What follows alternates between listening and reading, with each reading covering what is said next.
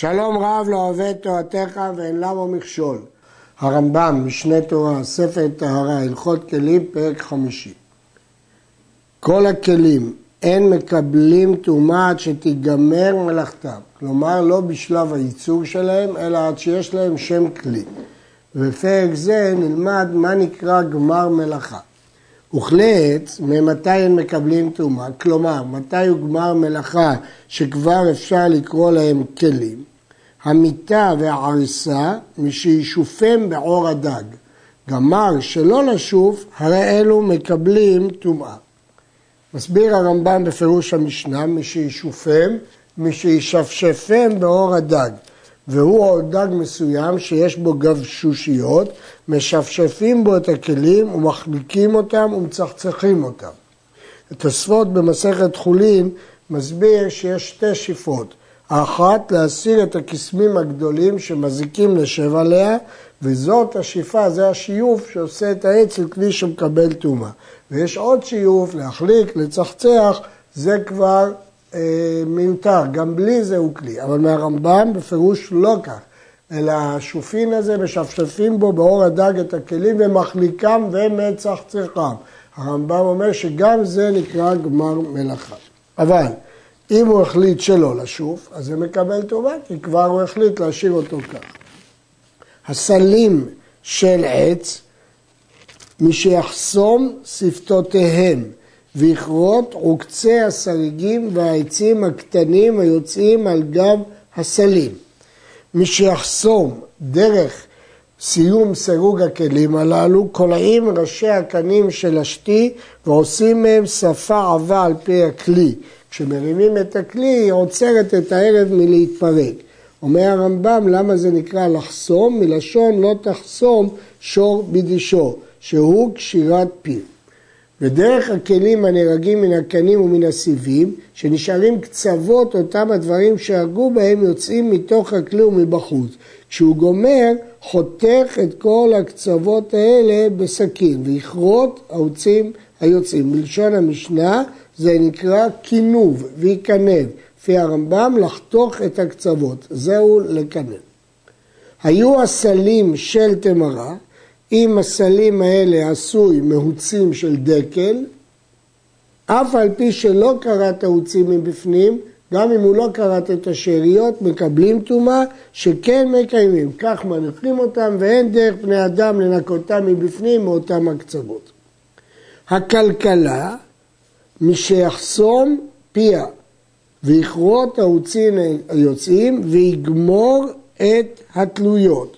כלומר, הכלכלה זה סל, אה, כשיגמור, הכוונה שיחסום ויכרות את כל השאריות ויגמור את התלויות. כלומר, את כל הנסרים שנשארים תלויים, יכניסו אותם פנימה כדי שהכלכלה תיגמר.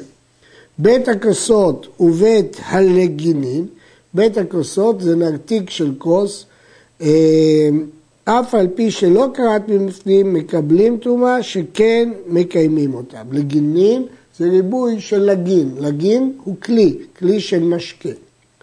הקנונים הקטנים. מה זה הקנונים? זה כלים שטוחים, עושים מרפיה, שמגישים בהם את האוכל. כך מפרש הרב קפח. והקלטות. הקלטות, כלים העשויים מגומת דק, כן? כאריות שאוכלים בהם. מי שיחסום שפתותיהם ויכרות העוצים היוצאים.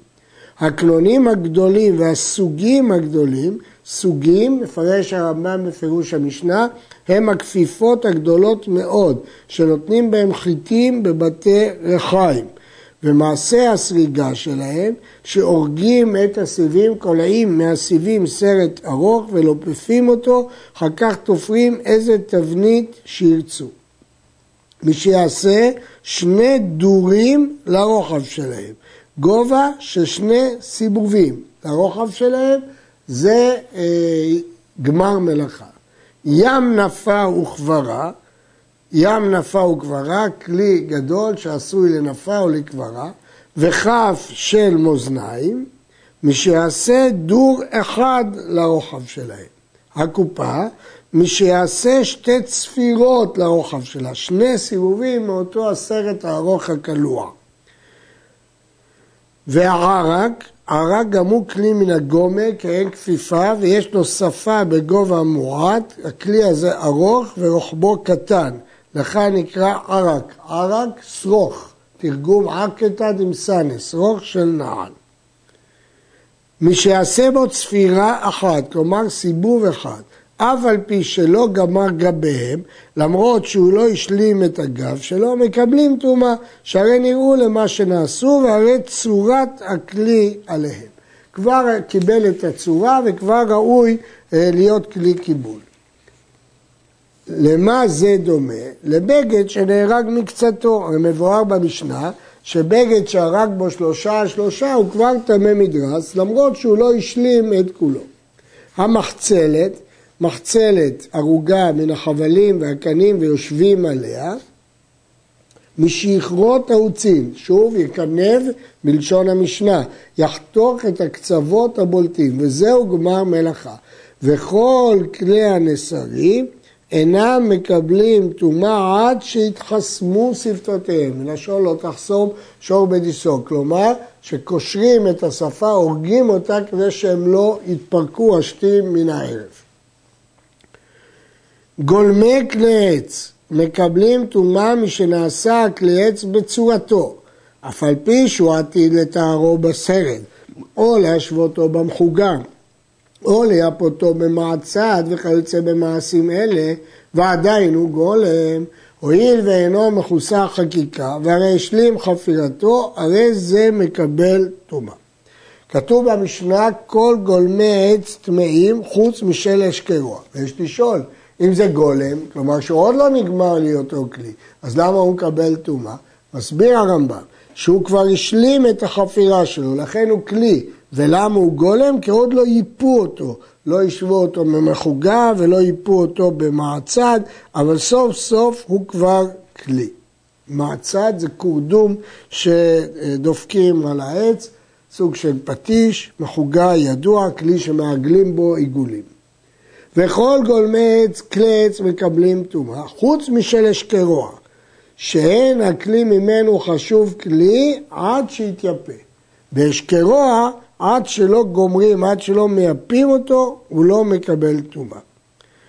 אה, במשנה משמע שהסיבה היא עד שישלק, אבל הרמב"ם כתב עד שיתייפה. וקרוב בעיניי שכלי עצם ככלי אשקרוע ואין גולמיהם מקבלים טומאה. כן, הרמב"ם סבור שכלי עצם דינו ככלי עץ.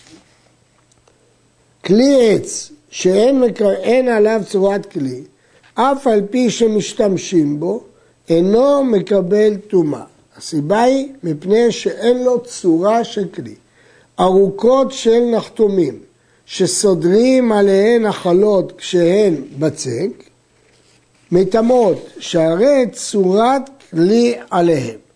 כלומר, אותם ארוכות של נחתמים, מוטות ארוכים של נחתמים, זה לוחות שעליהם האופים מסדרים את הבצק, זה נקרא צורת כלי, ולכן זה מקבל טומאה. של בעלי בתים לא היה להם צורת כלי, ולכן, לפיכך, אינם מקבלים טומאה. ואם צבע אותם בסקרה או בקרקום וכיוצא בהם, מתאמות שהרי נעשית להם צורת כלי. אם הוא צבע את זה בצבע אדום או בקרקום, אז עכשיו זה מקבל צורת כלי. וכיוון שזה מקבל צורת כלי, זה מקבל טומאה. יש להעיר שזו טומאה מדרבנן, כי זה פשוטי כלי זה לא כלי קיבול. אז זה לא מקבל טומאה מדאורייתא, אלא מדבר. פה לא מדברים עכשיו על דאורייתא ודרבנן, פה מדברים על גמר הכלי. ברגע שיש לו צורה של כלי, זה נקרא גמר הכלי. שרוד של נחתומים, שנותנים בו המים שמקטפים בו, טמא. שרוד הוא כלי של עט שמשתמשים בו בעת הלישה, לרחיצת הידיים ולמרוח ממנו על פני הכיכר. שנותנים בו המים שמקטפים בו, כלומר מורחים את הכיכר, טמא. ושן בעלי בתים טהור, כי אין לו צורה של כלי. ואם גיפפו מארבע ארוחותיו, כלומר הקיף אותו מכל העבר, אז הוא טמא, כי כבר יש לו צורה של כלי. נפרץ מרוח אחת טהור, כי הוא איבד את צורת כלי. והלוח שעורכים עליו מטמא. לשון המשנה המערוך. הרמב"ם מסביר, הלוח שסודר עליו האופה את הלחם ושם עושה את הצורות של הלחם. צורות אותם הכלים היו מפורסמות בימיהם. הכלל הוא, אומר הרמב"ם פשוט, אם יש צורת כלי, טמא, ואם אין צורת כלי, טהור. כלי של עץ שהסלטים מרקדים עליו את הסולת, אם הם מרקדים עליו את הסולת, מטמא. של בעלי בתים, טהור. כתוב במשנה, ים נפה של סלטים טמא, ושל בעלי בתים טהור. הרמב"ם מסביר בפירוש המשנה, עושים בריכה מרובעת של עץ, מנפים לתוכה את הקמח, והוא הנקרא ים נפה. זהו כלי העץ של סלטים. ויש לו צורת כלי, כיוון שיש לו צורת כלי, הוא טמא. ושל בעלי בתים טהור, כי אין עליו צורת כלי. רחת הגרוסות מטמאה, מנערים בו פולים מהקליפה שלהם כשטוחנים אותו לגריסים. ושל אוצרות, לאסוף בו תחליטים מכל הצדדים ולגרוף אותו עד שיעשינו אוצר, טהורה. של גיטות, טמאה. של גרנות, טהורה. זה הכלל, העשוי לקבלה, מקבל טומאה. לכנס בו טהור. אם הכלי הזה עשוי רק בשביל לאסוף בו, זה לא כלי קיבול. אבל אם הוא עשוי לקבלה, טהור.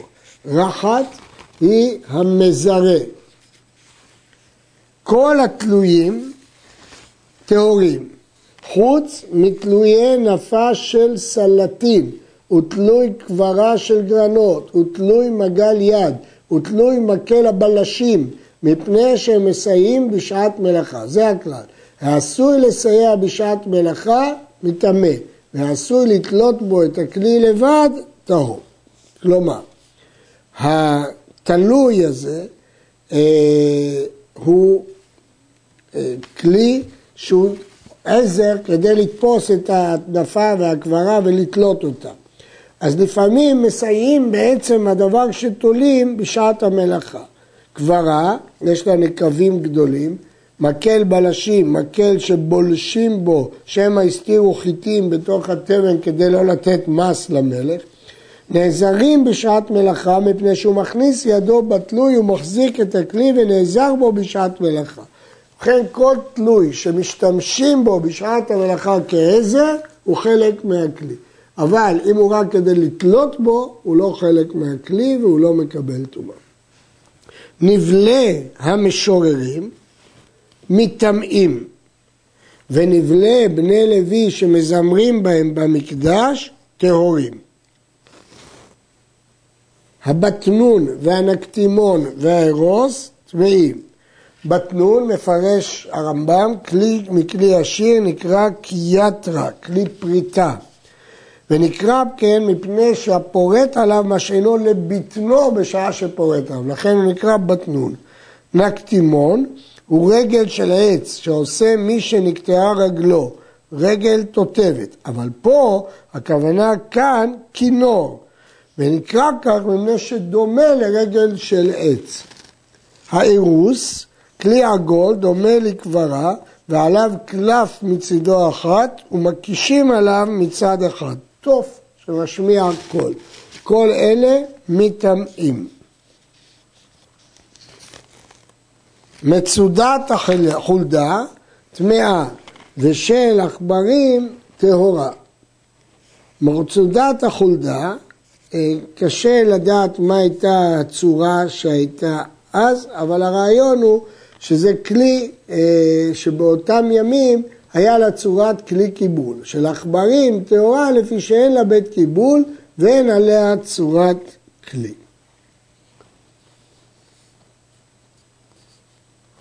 ממשיך, ממשיך הרמב"ם, הוצין שהורגים מהם כמו כפיפה שמניחים בה תאנים וכיוצא בהם, מטמאה. כתוב במשנה פתיליה טמאה וחסינה טהורה. מפרש הרמב"ם פתיליה כהן כפיפה שעשויה מנצרים, נותנים בה תאנים יבשים. חסינה כלי גדול מאוד, כי אין בית, ממלאים אותו חיטים. הרמב"ם פוסק את זה, כפי שראינו פה, הוצאים שהורגים מהם כמו כפיפה שמלכים בה תאנים, זה הפתיליה, טמאה. וחסינה שאורגים מהם כתבנית מגועה גדולה שאוצרים בהם החיטים, טהורה, שאין תורת כלי עליה. הרמב"ם מפרש כי היא גדולה כמו בית, לכן היא לא צורה של כלי, כי היא נראית כמו מחסן, כמו בית, לא כמו של כלי. עלין שמסרגין אותם כמו סייג סביב לפירות, טהור. ואם עשו סייג של נסרים, מטמא. כתוב במשנה, סגניות של עלים טהורות, של נצרים טמאות. מסביר הרמב"ם בפירוש המשנה. דרך אוספי פירות לחים, כגון תאנים ותמרים וענבים, שמכסים אותם בכהן אריג מעלה האילנות או לולביהם. ואותו אריג נקרא סגניות. זה נקרא עלים שמסרגים אותם כמו סייג סביב לפירות, זה טהור. אבל אם הוא עשה את זה של נסרים, זה טמא. הסיבה שקוראים לזה סגניות, מלשון סוגה בשושנים, סייג. חוטל של הוצין, שמניחים בו הרוטב וכיוצא בו, אם הוא נותן לתוכו ונותן מתוכו, מתעמק, כי זו צורה של כלי. ואם אינו יכול ליטול משהו בתוכו, עד שיקראנו, עד שיתירנו, או שחשב לאכול משהו בתוכו ולזורקו, טהור. אחרי חוטל היא עטיפה שעשויה מסיבים או עצים ואין כהן כלי, מעין קושיקלח שקוראים בסוכות, נותנים בהם את הפירות הלכים בזמן המכירה כדי שלא יטנפו את היד. וזה כמו שנאמר, ואוכתל לא חיטל, זה אוכתל, זה נראה כמו חיתול. מניחים בו את הפירות הלכים, זה נקרא הרוטב. אבל אומר הרמב"ם, שאם אי אפשר לקחת את הפירות מבפנים עד שמפרקים את כל החוטל הזה, אז אין לו שם כלי.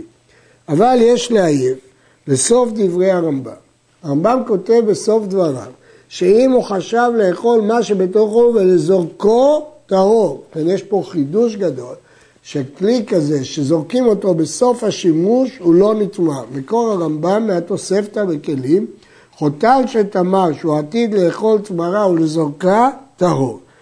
ובכן יש מאחרונים בחלקת יעקב במנתחת יצחק שרצו להוכיח מדין זה שאין צורך להטביל כלים חד פעמיים.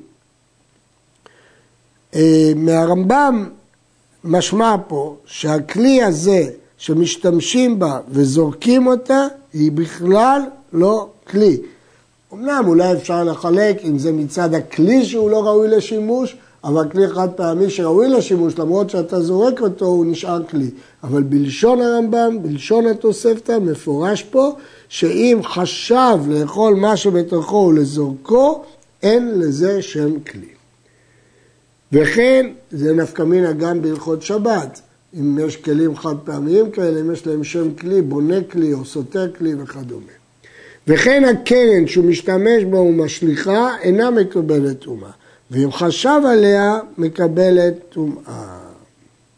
וכן השופר אינו מקבל טומאה. חתכו להיות קרן תשמיש, מקבל טומאה. המקור של זה בתוספתא, שופר טהור. חתכו לקרוץ, טמא. קרן שהוא משתמש בה ומשליכה, טהורה. חשב עליה, מקבלת טומאה. ובכן הרמב"ם כתב בדיוק את לשון התוספתא. שהשופר עצמו לא מקבל טומאה, אבל אם הוא הכין אותו להיות קרן להשתמש, מקבל טומאה. אבל אם הוא משתמש ומשליך, לא מקבל טומאה כמו שלמדנו בחוטל. קערה שקבעה בשידה, תיבה ומגדל. אם היא כדרך קבלתה, טמאה.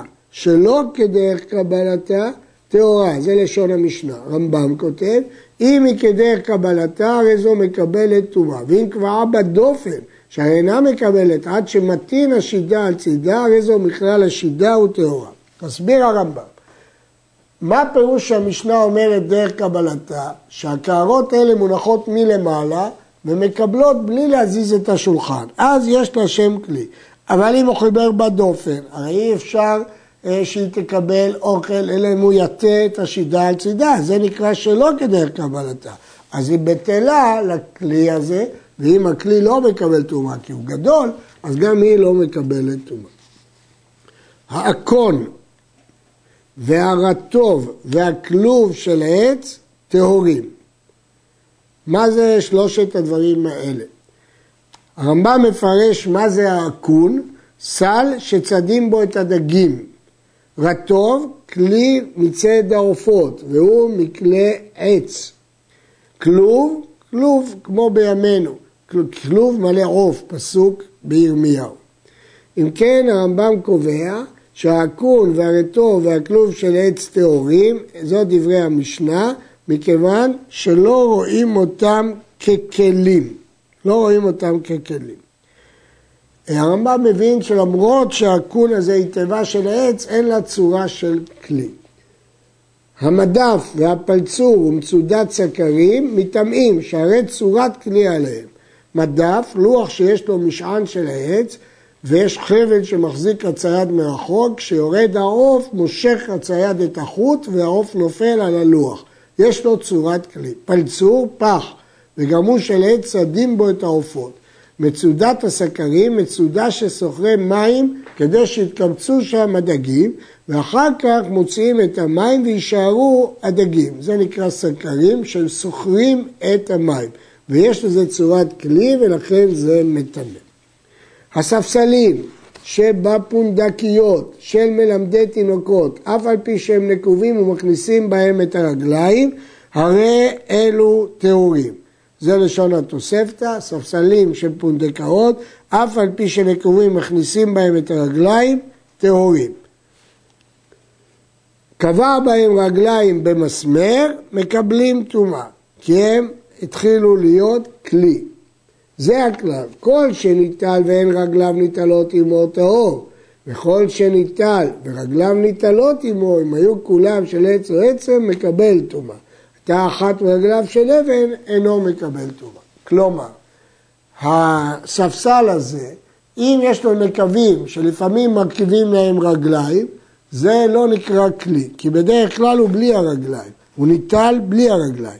אבל אם הרגליים קבועים במסמרים, אז הוא ניטל עם הרגליים, הוא מקבל טומאה. קובע הרמב"ם, אם אחת מהרגליים היא של אבן, אינו מקבל טומאה. זה לשון המשנה, ספסלים שבמרחץ, אחת רגליו של עץ ואחת של אבן, טהור.